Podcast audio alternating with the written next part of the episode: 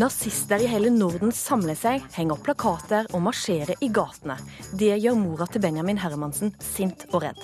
Vi må si ifra. Vi må ta stilling. Og vi må ikke la på en måte urett eh, skje. Hadde helsepolitikerne gjort jobben sin, hadde flere ufrivillig uføretrygda vært i jobb, sier programlederen som slutta i jobben for å starte et helt nytt parti. Hun møter regjeringspartiet Høyre til duell.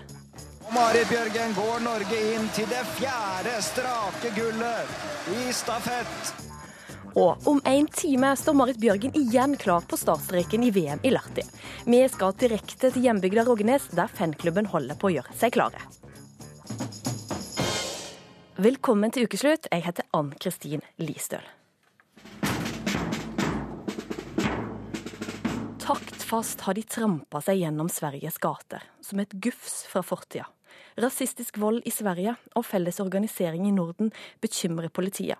Og for noen vekker nyheten om det nazistiske miljøet i Norge ekstra vonde minner.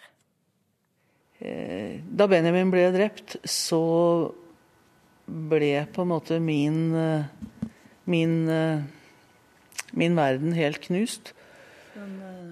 Hun har følt nynazistenes hat på kropp og sjel, Marit Hermansen. Dette er jo Benjamin.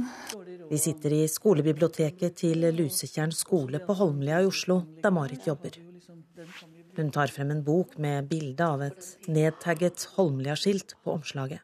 Den uh, handler mye om Benjamin, men den er uh, ungdommene på Holmlia sin bok, dette her. Og det var ungdommene selv som skrev boken, etter at 15 år gamle Benjamin ble drept av nynazister i 2001. Her er NRK Dagsnytt klokken seks. En gutt i 15-årsalderen ble stukket i hjel med kniv på Holmlia i Oslo i går kveld. Politiet rykket ut etter to anonyme tips og fant 15-åringen på gaten. Han var stukket flere ganger i mage og bryst. Det var fredag og TV-kveld hjemme hos Marit og Benjamin.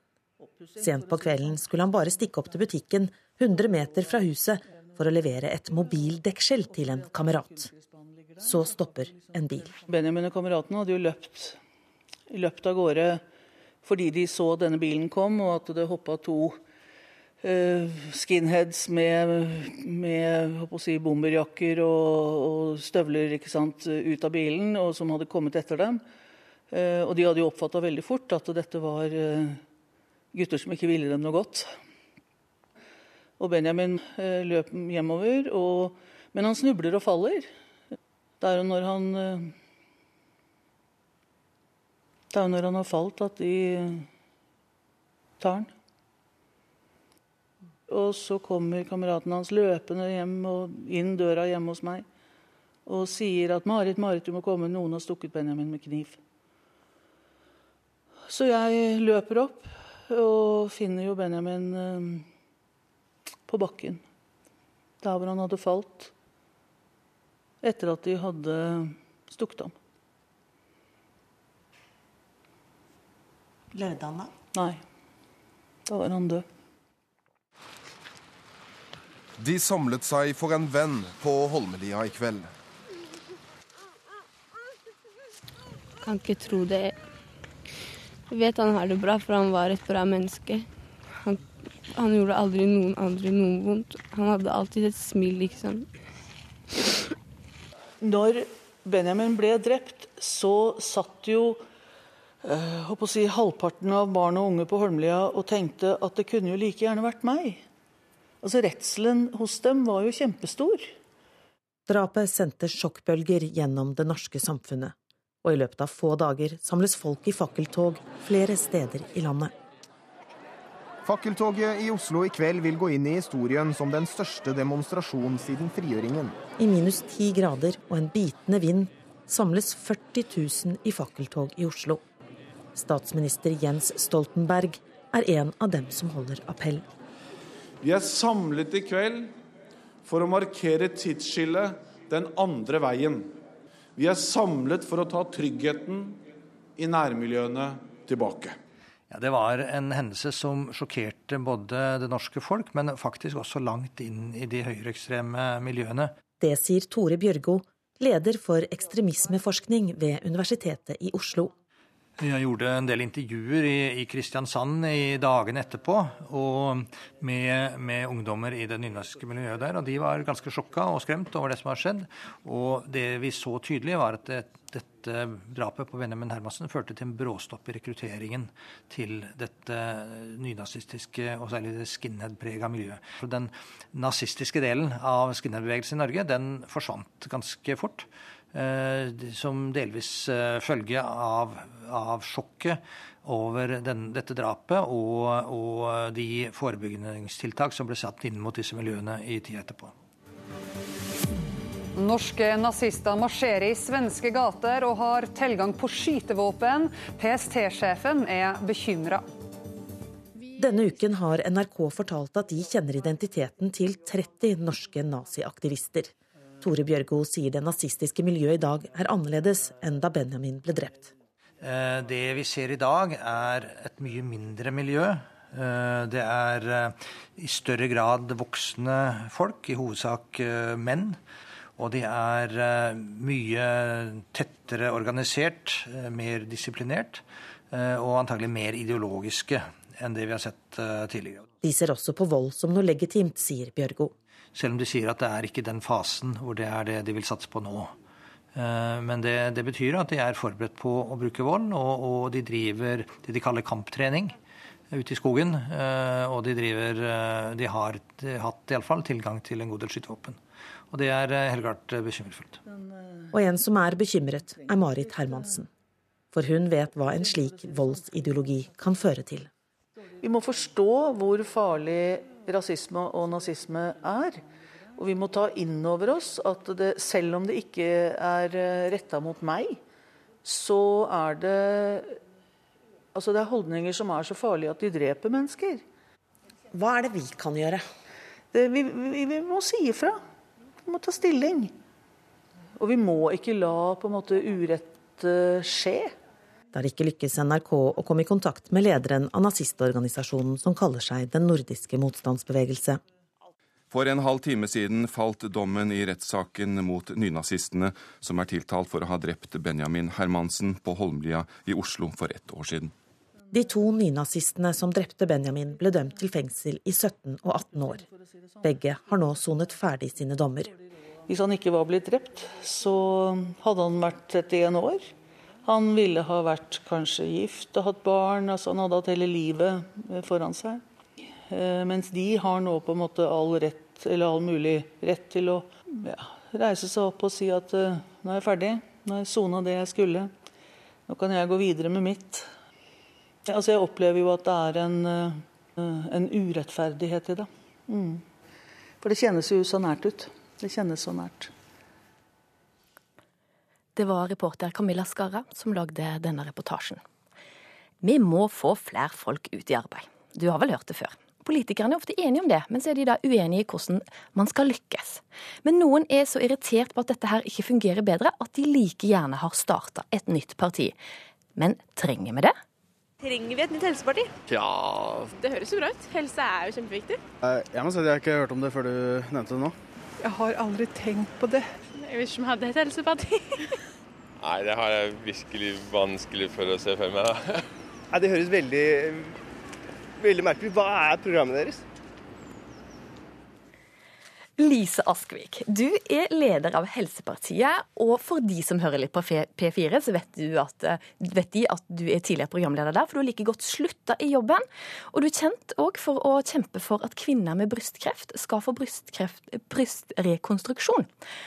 Aller først, velkommen hit. Tusen takk. Hvorfor trenger vi et nytt helseparti? Vi trenger et nytt helseparti for å øke røsten til de som ikke blir hørt, og det er faktisk hundretusener i Norge. Det er eldre som ikke kommer inn på eldrehjem, det er rehabiliteringstrengende som ikke får rehabilitering, det er eh, udiagnostiserte pasienter som er sterkt fortvilede, og du vet at i Norge i dag så har vi den situasjonen i politikken at Arbeiderpartisiden har stort ansvar for de delene av systemet som ikke fungerer, så de vil ikke endre noe.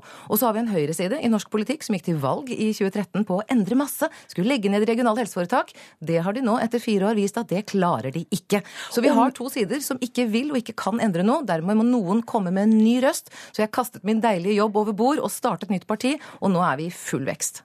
Og vi kunne sikkert snakka lenge om hele programmet deres her, men vi plukker ut noe. Fordi at noe av det som du er opptatt av, er dette her med at hvis helsepolitikerne hadde gjort jobben sin, så hadde vi ikke hatt så mange ufrivillig uføretrygda. Mm. Hvorfor det? Altså I Norge i dag så har vi Europas høyeste andel uføretrygdede. 9,5% av arbeidsstokken mellom 18 og 66 år de er på uføretrygd. Omgjort til personer 318 200 mennesker. Og veldig mange av de trenger uføretrygd og er der helt rettmessig. Så har vi i tillegg en gruppe som gjerne skulle ha vært der, som ikke kommer inn. Men innenfor de 9,5 prosentene så er det faktisk overraskende og hårreisende mange som gjerne vil ut av uføretrygden.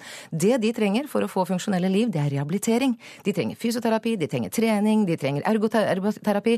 De trenger altså tilrettelagte og helt konkrete grep for å få hjelp. Men i stedet for å sørge for at disse menneskene får fysioterapi, så gjør regjeringen det ugeniale rett før jul å kutte hele diagnoselisten. Og det var over 100 diagnoser, bl.a. folk med altså, helt alvorlig nyopererte MS, altså store alvorlige lidelser. De fikk ikke lenger gratis fysioterapi. Så Og dermed du- så er det enda færre som klarer å komme tilbake i ordentlig jobb. Og du, sant, du er langt inn i dette her, kan det ganske godt, men hvis vi løfter litt opp og trekker inn denne helsepolitikeren, da, som du mener ikke gjør jobben. Sveinung Stensland, du er med oss på linje fra Haugesund. Velkommen. Takk for det. Du sitter i helse- og omsorgskomiteen og representerer Høyre. Eh, og er du enig? Bør, er det flere ufrivillig uføretrygda som kunne vært i arbeid hvis man hadde fått det til? Jeg tror det er ganske mange jeg, som kunne kommet ut i arbeidslivet hvis vi la bedre til rette. og Derfor jobber vi, jobber da- vi for det. Så dere Og er enig i premisset? Og da er enig, enig i bør du gjøre? Ja, og det er jo interessant eh, måten eh, Jeg syns Lise Askvik er en fantastisk røst i helsedebatten. Og hun kunne, meldt, hun kunne meldt seg inn i Høyre, så kunne vi vært med å slåss sammen. Du vil ikke heller melde deg inn i Helsepartiet, da? Nei, jeg opplever at Høyre er et helseparti. Å nei. Hel helseministeren er et eh, eget helseparti bare for seg, så, så det er så bra så. Men det er rart det som ble sagt om, eh, om diagnoseliste og rehabilitering. Det ble altså lagt fram en ny eh, opptrappingsplan for habilitering og rehabilitering rett før jul, som nå Lise Askvik raljerer over. Det som bl.a. er en del av det, er at alle diagnoser tas inn i egenandelstaket. Det har vært før sånn, Hvis du sto på ei spesifikk liste, så fikk du det gratis. Hvis ikke, så fikk du ingenting. Nå løftes eh, flere diagnoser inn, men de kom inn i den samme egenandelsordningen som gjelder for alle andre. I tillegg så er det flere barn som får rehabilitering. Det er masse bra i den ordningen her, men hvis du bare plukker ut diagnoselister, så blir det litt skjevt. Men doktor, Eh, nå- nå, nå, men- men doktor, for nå er doktor langt inne inn i diagnoselista, så folk kanskje detter litt av. Så hvis vi løfter litt, og vi ser på tallene på uh, uføretrygda, det tallet har vært ganske stabilt de siste åra. Det ligger rundt drøyt 300 000. Hvis du tar Lise Askvik på ordet, da. Hun mener hadde du eh, gjort enda mer på rehabilitering, kunne du fått flere ut i arbeid. Ser du et poeng der, Stensland, der dere kunne fått til enda mer? Ja, absolutt. Og det er jo derfor vi har, er derfor vi har eh, satt i gang med en opptrappingsplan for habilitering og rehabilitering. Nettopp fordi vi ser at det er et behov, og nettopp fordi vi må gjøre ting annerledes. Og så snakker Lise her om spesialisthelsetjenesten og helseforetaket og de tingene der. Jeg tror ikke det er så viktig i denne sammenheng, men det som er viktig, er hva nivå dette løses på. Og det som vi ser, er at vi må gjøre kommunene i stand til å løse disse oppgavene. Det må løses på et lavere nivå, og det må være fastlegen som har hovedansvaret. Dette må angripes på en helt annen måte. For i dag er det sånn at legene har ansvar for behandling, og når du er ferdig behandla, så bare er du der. Men det er ingen som tar hele ansvaret for rehabiliteringsbiten. Så der er vi helt enige. Men du kan ikke si at alle helsepolitikere har mislykkes fordi at vi ikke har kommet i mål. Jobben er ikke gjort. Vi må jobbe på hele veien. Og så ser vi alt... Ja, Vi ser jo altfor lite tegn til endring. Men det Høyre gjorde altså rett før jul, det var rett og slett å sørge for et kutt. Det er altså Denne opptrappingsplanen som Sveinung Stensland skryter av, den resulterte i en innsparing for regjeringen på 115 millioner kroner. De har altså kutta den diagnoselisten på masse masse mennesker som fikk rehabilitering før. Og når du i sum sparer 115 millioner kroner, så er det like dumt å kalle det en opptrappingsplan som når du stenger en hel haug med politikontorer, selv om de bare hadde kort åpningstid, og kalle det for en nærpolitireform. Altså Dette er en sånn sleip måte å prøve å bruke språket til å fortelle noe stikk motsatt av det som egentlig skjer. Denne opptrappingsplanen er Men- en men, eh, nedputtingsplan. Ja, ærlig talt, Lise. Lisa. Blant annet eh, grupper som nå kom inn under samme ordningen, er nå folk med ryggsmerter av forskjellig årsak, nakke-skuldersmerter, forskjellige typer senebetennelser, folk med psykiske Mhm. lidelser, kroniske smertetilstander av ukjent årsak, årsak, sånn som ME, ulike typer idrettsskader som ofte rammer yngre, og kreftpasienter med unntak av brystkreft og pasienter i langkommet uhelbredelig fase blir nå tatt inn i disse tingene her. De andre kreftgruppene de var der allerede. Så denne her, som du nå raljerer over, gjør faktisk at vi får et mer helhetlig system. Flere kom inn i, i gode ordninger. Og så er det da noen, de som står i denne her en eksplisitte sykdomslista, som får en noen liten liten endring. Nei, det er ikke noen liten endring. Dette er en innsparing for regjeringen på 150 ja, millioner kroner, og det er pengene som har gjort ja, at dere har kutta. Ja, ja, Svarte dere på det, Stensland? Ja, det, det, gjorde vi jo ikke. Det er jo tilført mer penger. Clouet er at, er at I sum har de kutta. Ja, men, fint, men, tilbake til deg, da, Askvik. Men, hvis altså, jeg bare kan få fullføre. Clouet er at nå kommer alle innom forbi egenandelstaket, og de fleste kronikere kommer faktisk opp i frikort. Jeg har i dag snakket med to fysioterapeuter. Begge to bekrefter at de nå har fått en nedgang i de kroniske pasientene som tidligere fikk gratis fysioterapi. Dette er mennesker, Den ene fysioterapeuten lar nå folk trene gratis hos seg, fordi pasientene blir så dårlige hvis de ikke får denne hjelpen. Og dette her er, altså Dere må konsekvensutrede hva dere holder på med, for denne politikken har ingen lojalitet med de menneskene dere er der for. Og dere er der for å sørge for at pasienter får det tilbudet de trenger, at rehabiliteringstrengende får rehabilitering. Det evner dere ikke, Stensland. og Det må dere ta kritikk på, og dere må ja. konsekvensutrede hva dette faktisk ja. medfører av konsekvenser for pasientene. Men jeg skal bare skyte inn en ting her. for Askvik, Kan det hende at du sitter der og bare ser helseperspektivet, og at hvis du da blir valgt inn på Stortinget, så vil verden være en litt annen, og at du, det er ikke så enkelt som du sitter her og sier det? Nei, men altså systemene er laget så kompliserte at det skal ikke være meningen at det skal være enkelt. Og Helsepartiet ønsker jo en helt annen og mye mer forenklet modell, hvor samkjøring av tjenestene er eh, gjort på en helt annen måte, for da kan vi kutte mye byråkrati. Og det aller viktigste er at vi må ha en helsepolitikk som på en helt annen måte enn i dag må ha lojaliteten sin festet i pasientens behov. Dagens helsepolitikk ja. har ikke godt nok festet lojaliteten sin i pasientens behov, og i hvert fall ikke i de ansattes behov.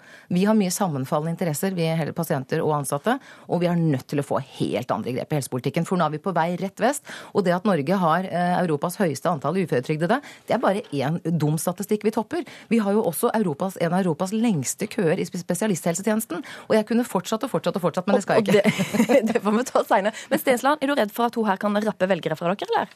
Hun kan sikkert rappe velgere fra alle, men jeg, jeg, det må jo se ting litt i sammenheng. Det skal jo finansieres, dette her. For Lise Askvik ja. skrev, jo en, skrev, jo en, veldig kronikk ja. der hun var mot prioritering. Jeg har jo vært i debatter Nei, med Lise Feilstyrt, feilstyrt, feilstyrt. Jeg, har vært i, ja, du hadde nå skrevet det sjøl, så det er nå greit. Men jeg har vært i debatter om deg om eh, penger til kreftmedisin, blant annet. Da har jeg fremholdt vi må jo òg ha råd til kronikergruppene som dette gjelder.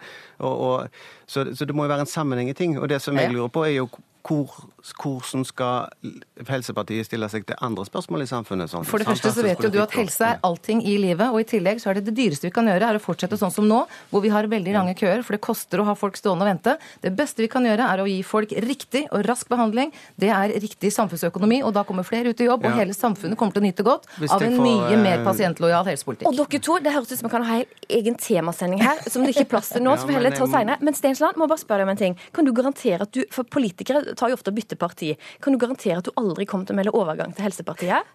Ja, jeg kommer aldri til å melde overgang til noe parti som ikke har en helhetlig politikk for, for alle Men det har vi! Da sier vi tusen hjertelig takk til at dere to ble med her i Ukeslutt. Lise Askvik, leder i det nye oppstarta Helsepartiet, og Sveinung Stensland, som representerer Høyre. Bli med videre og hør. Skuespiller Anders Borsmo Christiansen er på jakt etter sannheten og stoler ikke lenger på politikere og pressen. Det det har blitt et veldig splittet samfunn, fordi eh, noen tjener på at det blir splitta. Ukeslutt borer etter sannheten. Og hva er det med idrett som får oss nordmenn til å bli elleville følelsesmennesker? Kunstneren og forfatteren kommer for å dele intense øyeblikk med oss. Skuespiller Anders Bossemo Christiansen han skriver denne uka i en kronikk at journalister og politikere ikke gjør jobben sin, og at det er kunsten og kunstnerne som må til for å vinne kampen om sannheten. Han er lei av politikere som blir styrt av retorikk, og journalister som blir, som blir styrt av klikk, og et samfunn der det er viktigere å mene enn å skape. Nok er nok, sier Christiansen. Inne på Nationaltheatret sitter skuespiller Anders Båsmoen Christiansen og banner. Fuck off, ass! Fuck off! Men hvem er det egentlig han er sint på? I den 19 000 tegn lange kronikken han skrev i Dagbladet denne uka, lar Christiansen seg irritere av mye og mange, men ingenting er verre enn Det er altså politikerne som er opptatt av gjenvalg, stort sett. Og, og, og, og, media som har økonomiske insentiver. Eh, Hva er det de gjør feil, media og politikere? Jeg syns jo at som jeg skriver, Det er vanskelig å fatte seg korthet på det, men som jeg skriver i teksten min, så er det noe med at Eh, det blir, har blitt et veldig splittet altså divided country, det, det blir splittet samfunn. Fordi eh, noen tjener på at det blir splitta. Det syns jeg er råttent av politikerne. og deler opp i to grupper. At man ikke kan diskutere samfunnstemaer. Eh, fordi at eh, en, For da blir man enten liksom i den retningen eller den retningen. Og jeg syns både venstresida og høyresida har et kjempeansvar for å ikke splitte mer nå. Kristiansen har spilt i en rekke storfilmer i Norge og er en av landets mest kjente kunstnere. Og det er der han mener løsninga ligger. I kunsten. Kunsten må gå foran med å tørre å være den som ikke tenker på andre, har andre hensyn enn å prøve å, å, å, å snakke om hva det vil si å være menneske. Eh, og der mener jeg at kunsten må sørge for å samle mer enn å splitte. Hvis jeg nå tar på meg djevelens advokatjakke med fra um, rett ned i sentrum her og sier uh, dette her er bare sånn venstrepopulisme. Du vil bare virke som en sånn den, den beste av alle skuespillerne og vise vei. Hvis jeg sier det, eller kommenterer det i et kommentarfelt under uh, kronikkene, hva tenker du om det?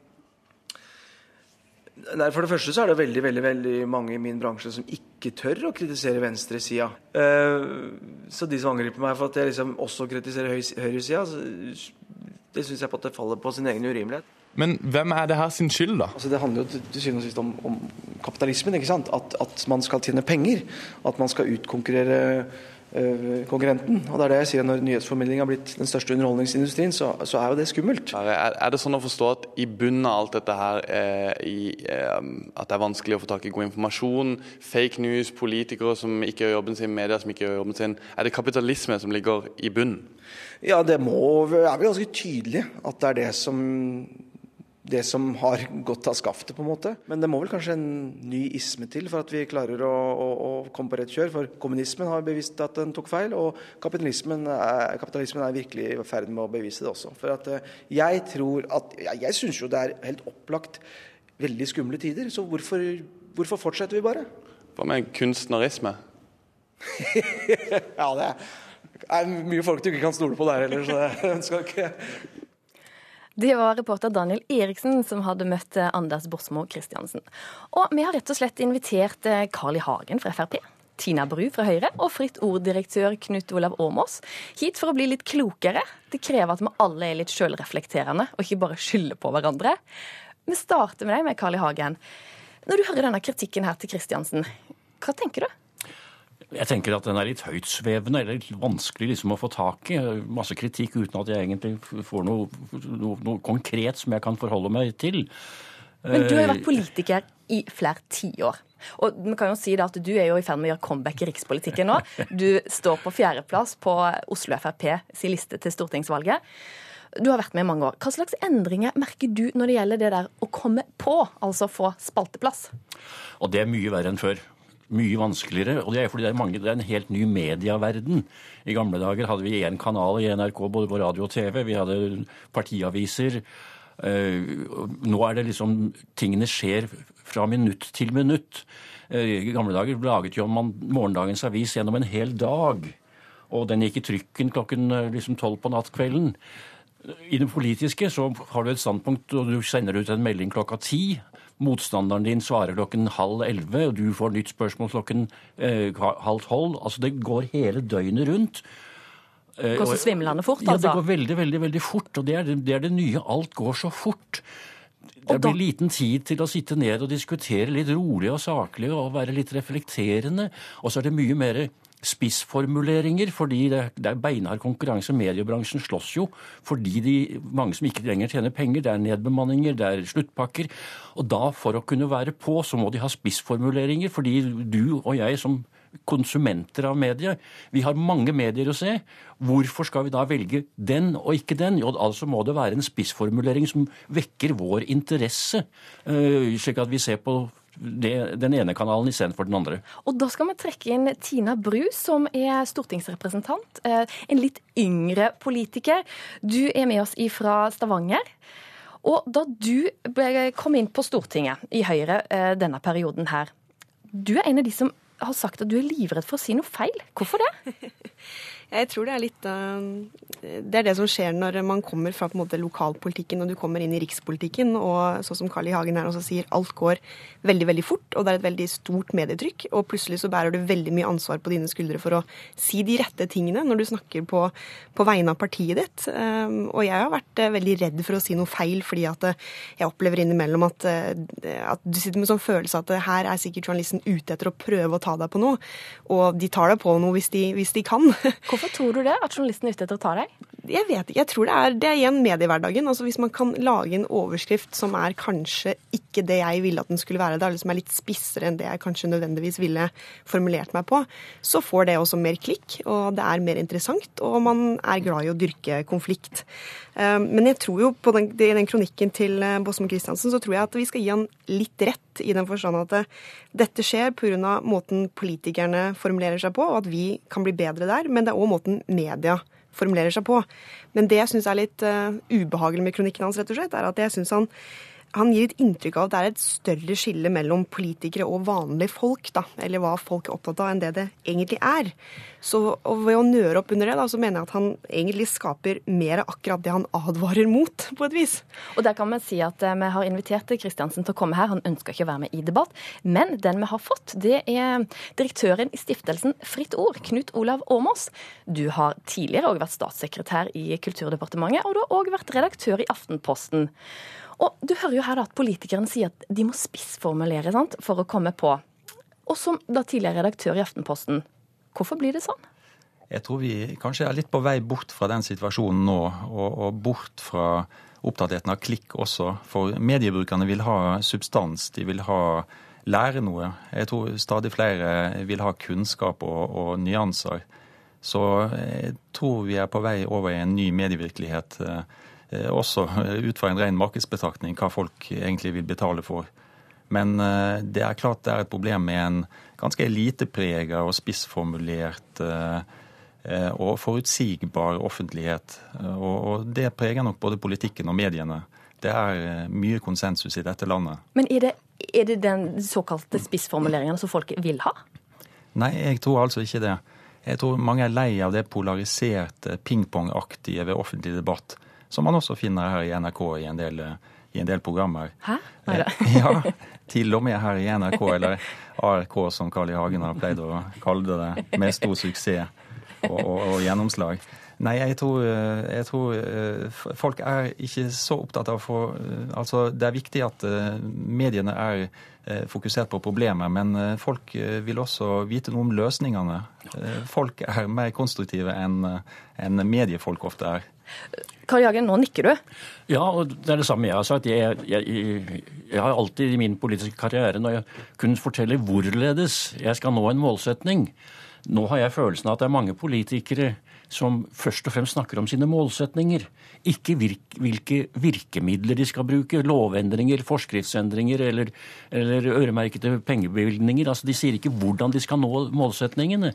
Og det syns jeg at eh, journalister burde vært mye flinkere til å avsløre, men nettopp å spørre det når de hører en politiker si det er vår målsetning at sånn og sånn. Da skal journalisten spørre ok, men hvorledes og hvilke lover og endringer vil du gjøre for å oppnå den målsetningen din? Der burde journalistene være mye, mye flinkere enn det jeg syns de er nå. Ja, for eksempel, da, I forrige debatt vi hadde her nå, så var det to politikere da, som var uenige om rehabilitering. Hva slags spørsmål bør jeg stille til de hvis jeg skal ha de tilbake her? Du skal spørre skal du bevilge mer penger til rehabilitering? Hvem skal gjøre den rehabiliteringen? Skal det være det offentlige, eller skal det være private selskaper? Og hvilke belønningsordninger vil du ha for å gjøre det mer fornuftig å drive med rehabilitering? Men det som var med den debatten i stad, var jo egentlig det var egentlig et ganske godt eksempel. fordi Der ble det en debatt om noe som var ganske komplisert. Altså rehabilitering og liste over hvem som får behandling og sånne ting. Og da, da sa jo du eh, nå blir dette litt svevende, kan vi trekke det litt opp? ikke sant? For det blir veldig komplisert nå. Og jeg tror Det er et sånn godt eksempel på hvordan mediedebatten er. Altså, Politikere har egentlig lyst til å snakke om veldig kompliserte ting, men du klarer ikke snakke om de tingene i et veldig enkelt resonnement. Som den mediehverdagen vi faktisk lever i også krever, fordi det er lite tid. ikke sant? Det er syv minutter til en debatt. Og det er ganske vanskelig, både for media, men også for politikere. Og da kan jeg si, for Eh, vi journalister skal jo da prøve å gjøre dette budskapet tydelig til folk. Men jeg har vært på pressekonferanser der det er veldig mange sånne kalde, byråkratiske, teknokratiske ord. Jeg kan type høre at noen skal legge fram eh, en tiltakspakke, og jeg kan høre ord som vi stiller, altså, denne endringskompetansen skal bli styrka for å imøtekomme omstillingen gjennom denne tiltakspakken. Det skal være robust, det skal være helhetlig. Og jeg sitter der og tenker, men hvordan skal jeg gjøre dette folkelig, så folket skjønner det? Mm. Og Knut Olav Åmås, da. Du har jo sjøl vært statssekretær. da. Hvordan opplevde du din egen språkbruk?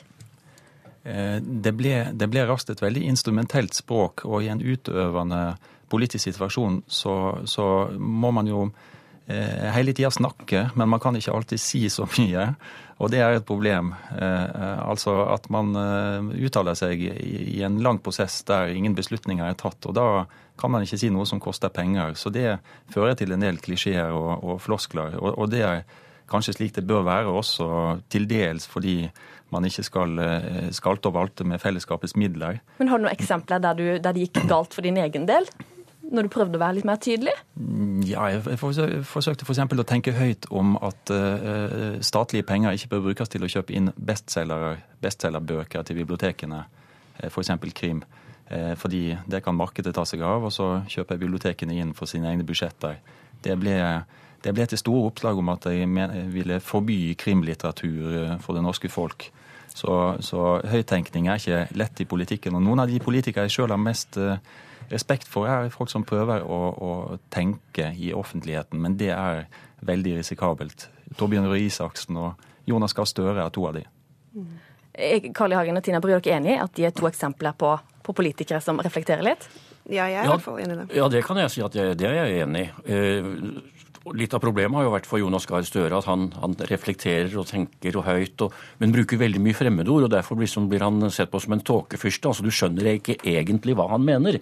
Og Det blir jo litt så ofte filosofiske debatter. Det, er, det går over hodet på folk flest. Jeg har vært mest opptatt av å snakke slik at folk flest forstår hva jeg mener.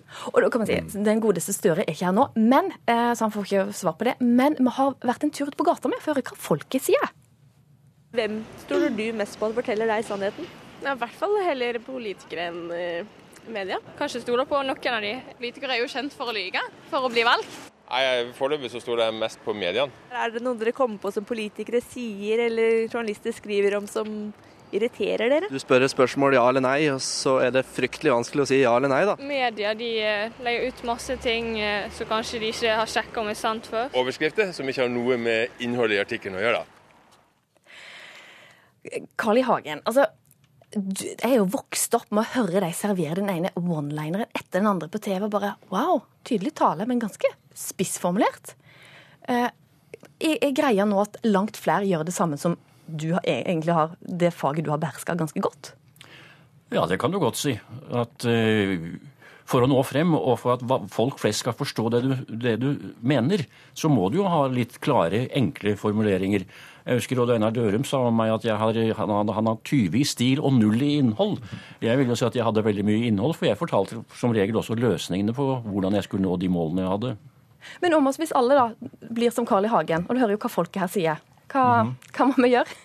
Jeg tror iallfall at uh, en del av uh, tillitsproblemet for både medier og politikere nå er at uh, det er blitt en kløft mellom den virkeligheten som folk flest erfarer i sitt liv, og, og, og, den mediekonstruerte virkeligheten som, som er prega av litt for mye elite og litt for mye urban tenkning og litt for lite av folks virkelighet. Det ser vi i kildebruken til mediene f.eks., som, som er nokså forutsigbar ofte. Ja, Hva tenker du på da?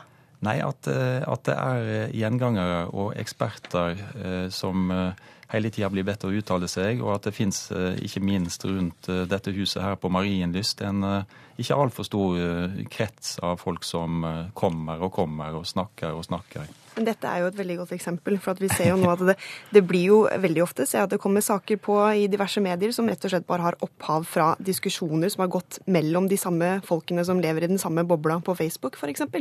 Altså man løfter opp noe som en journalist har ment der, eller en politiker har ment der, og så har de diskutert seg imellom i det kommentarfeltet, og så blir det en stor sak.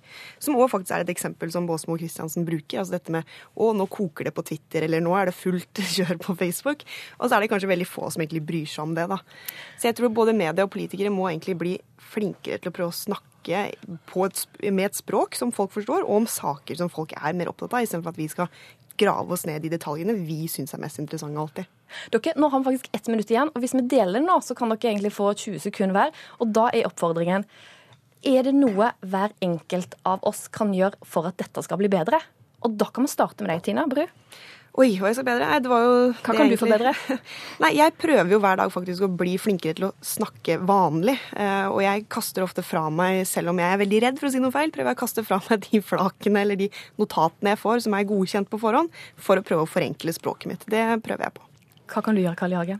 Det vet jeg ikke egentlig. Jeg vil fortsette å gjøre det jeg har gjort. Og jeg, har, jeg er i den lykkelige situasjonen at jeg får ikke notater. Jeg må tenke selv og snakke selv og osv. Og, så og det er ingen som skal godkjenne lenger det jeg sier.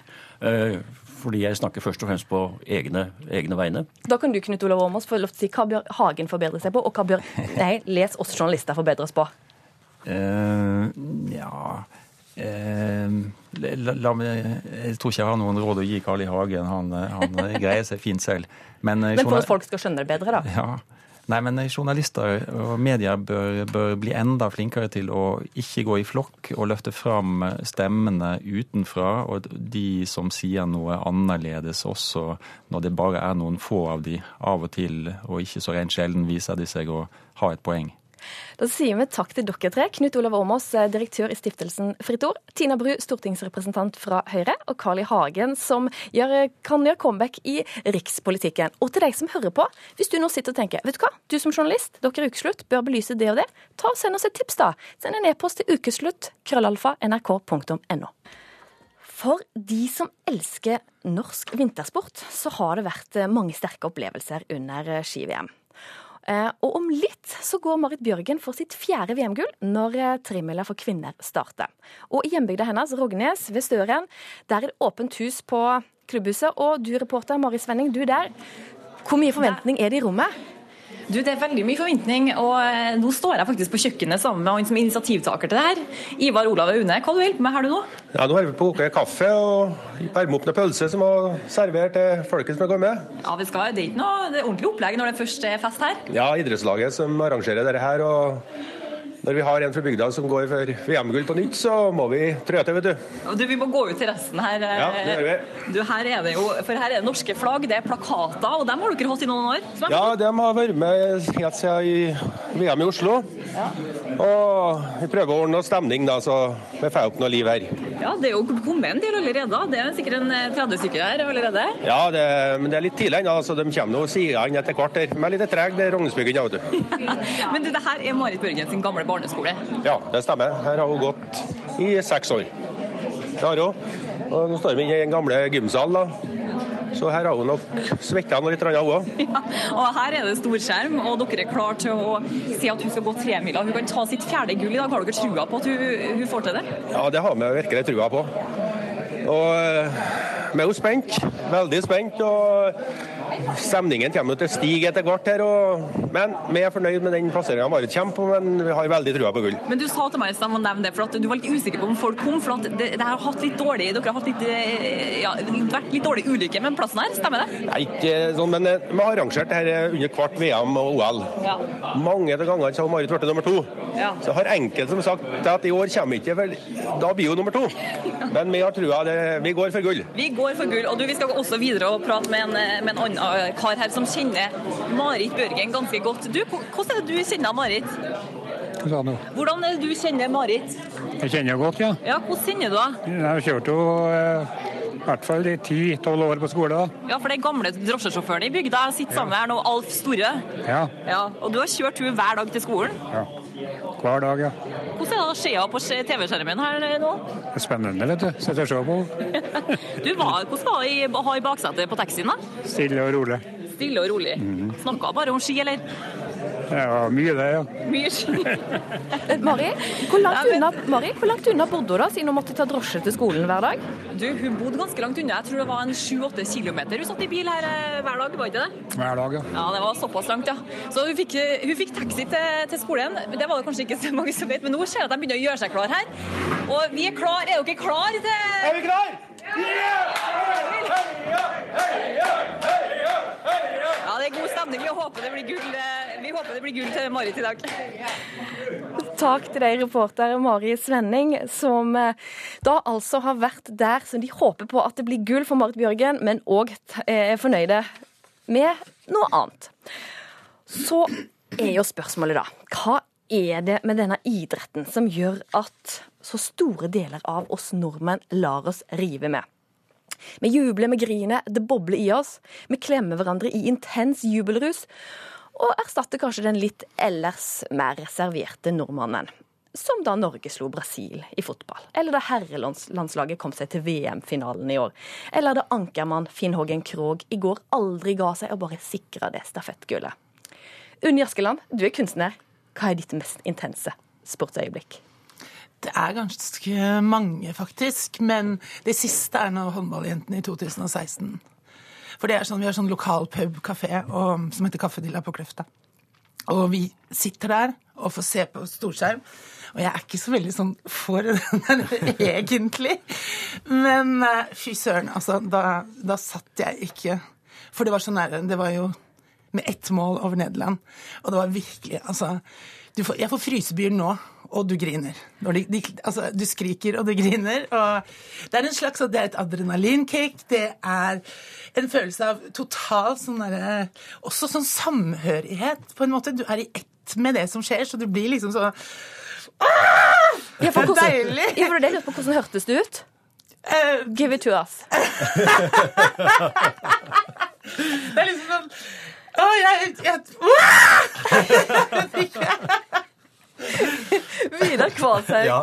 du er forfatter, har òg jobba som journalist ei årrekke. Du bryr deg på ingen måte om sport, men likevel er du her for hva er det idretten allikevel gjør med oss, som du bryr deg om? Og det er disse norske lykkeinjeksjonene som f.eks. Unni fikk eh, i 2016 på en kafé i Kløfta, som folk får i kjellerstuer på samfunnshus.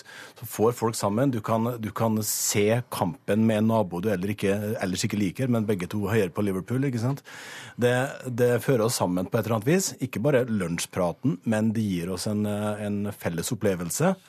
Og det blir jo stadig færre fellesopplevelser, fordi før var det én kanal, én bokklubb etc. Nå er det veldig mange forskjellige virkeligheter, og vi trenger dette limet for å få oss sammen. Ja, Hvorfor trenger vi det? Det binder oss sammen, men hvorfor trenger vi det? Jo, vi trenger dette fellesskapet fordi uh, veldig mange politikere om dagen gjør sitt beste for å bygge det ned.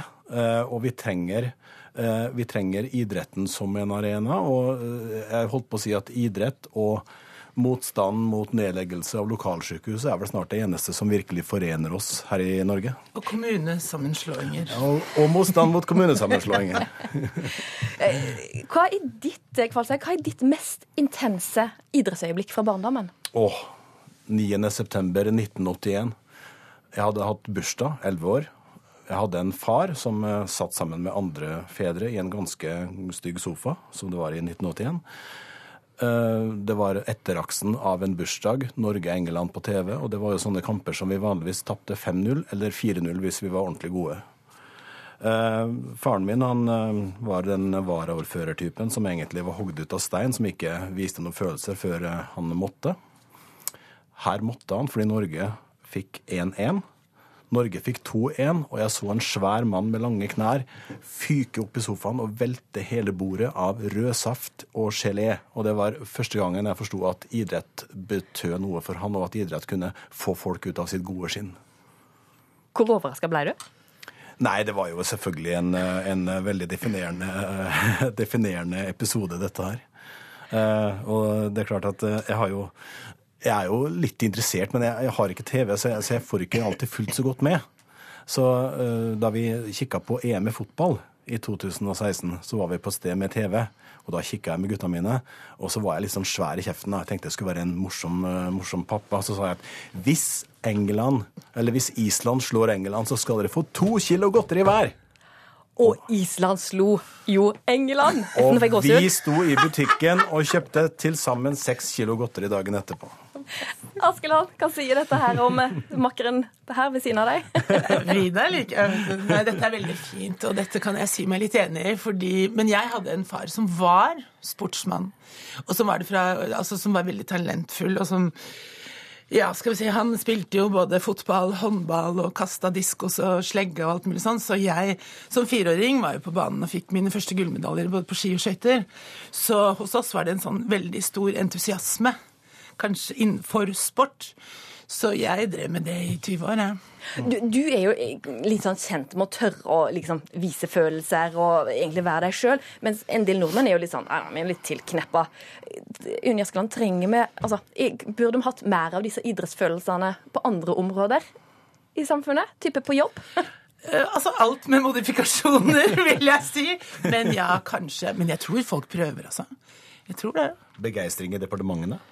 Uh, why not? ja, why det er not? virkelig why not, liksom. Men samtidig eh, altså, Vi kan gå av skaftet, vi kan juble. Men samtidig så liker vi at det er noe ordentlig vi jubler for også her i Norge. Vi, vi har dette litt pietistiske med oss. Vi liker at det skal være en arbeidsseier. Noen som har slitt for å vinne, ikke bare vunnet pga. andres uhell og ulykke i sporet. Så det skal være ordentlig. Og det skal helst være den umulige lille som slår den selvfølgelige store. Sånn som Island, England. Ja. Sånn som eh, folk, folk, som har jobba hardt for det, de liker vi best. Det er litt sånn Norge slo Brasil, da. Kan ja. jo, kan Norge, ikke glemme det, ikke sant? Ja, Helt fantastisk. Unni Askeland, Vidar Kvalshaug. Det er øyeblikk tremila. Skal dere gjøre et veddemål her, eller? To kilo godteri, Unni, eller skal du ta det ut i vin? Nei, konsert i Langesund til sommeren. Ok, det er greit. Avtale. okay. Og hva vedder dere om, da? Ja, det er jeg ikke sikker på. Nei, jeg tror hun går for gull. Vedder du imot Kvalsheim? Ja, nei, dette er et uh, typisk bronseløp. Oh. Mm. Takk til begge dere to. Ansvarlig for denne sendinga har vært Jaren Rie Mikkelsen. Teknisk ansvarlig Erik Sandbråten. Jeg heter Ann Kristin Listøl og ønsker deg ei god helg. Og tips oss hvis du har et tips.